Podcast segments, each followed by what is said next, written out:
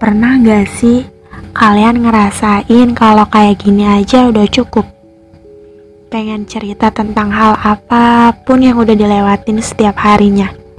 Saling tanya, ada cerita apa hari ini? Pengen jadiin seseorang rumah, tapi nyatanya dia udah jadi rumah buat orang lain. Kalian pasti punya seseorang yang pengen kalian milikin, tapi kalian gak mampu untuk milikin.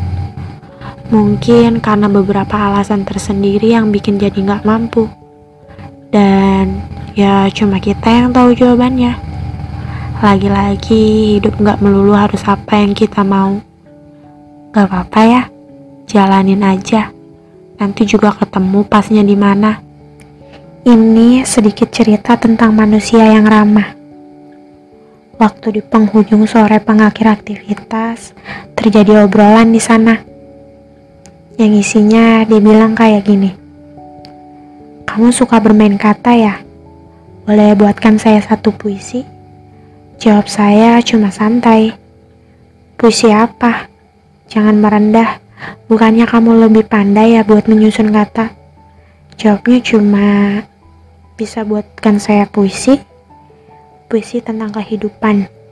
Kehidupan yang gak ada jawabannya. Terus spontan saya langsung bilang, bukannya hidup emang gak ada jawabannya ya? Ya ngalir aja gitu. Terus dia cuma bales pakai senyuman. Dia tahu saya suka menulis, dan saya juga tahu dia suka menulis. Kita sama-sama terlalu akrab dengan kata, namun waktu dengannya saya tak bisa banyak berkata. Dia bilang gini, pasti alasan kamu menulis itu karena seseorang, dan kamu menulis untuk seseorang. Dan jawabannya, iya.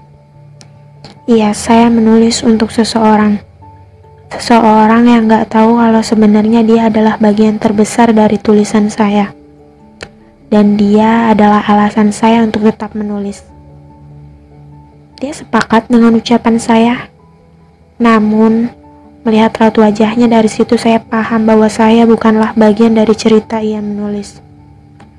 Kata Stephen Stills, ada tiga hal yang dapat dilakukan lelaki terhadap perempuan.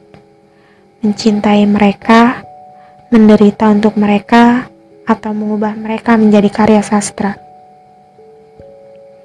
ada di dekat dia, saya bahagia.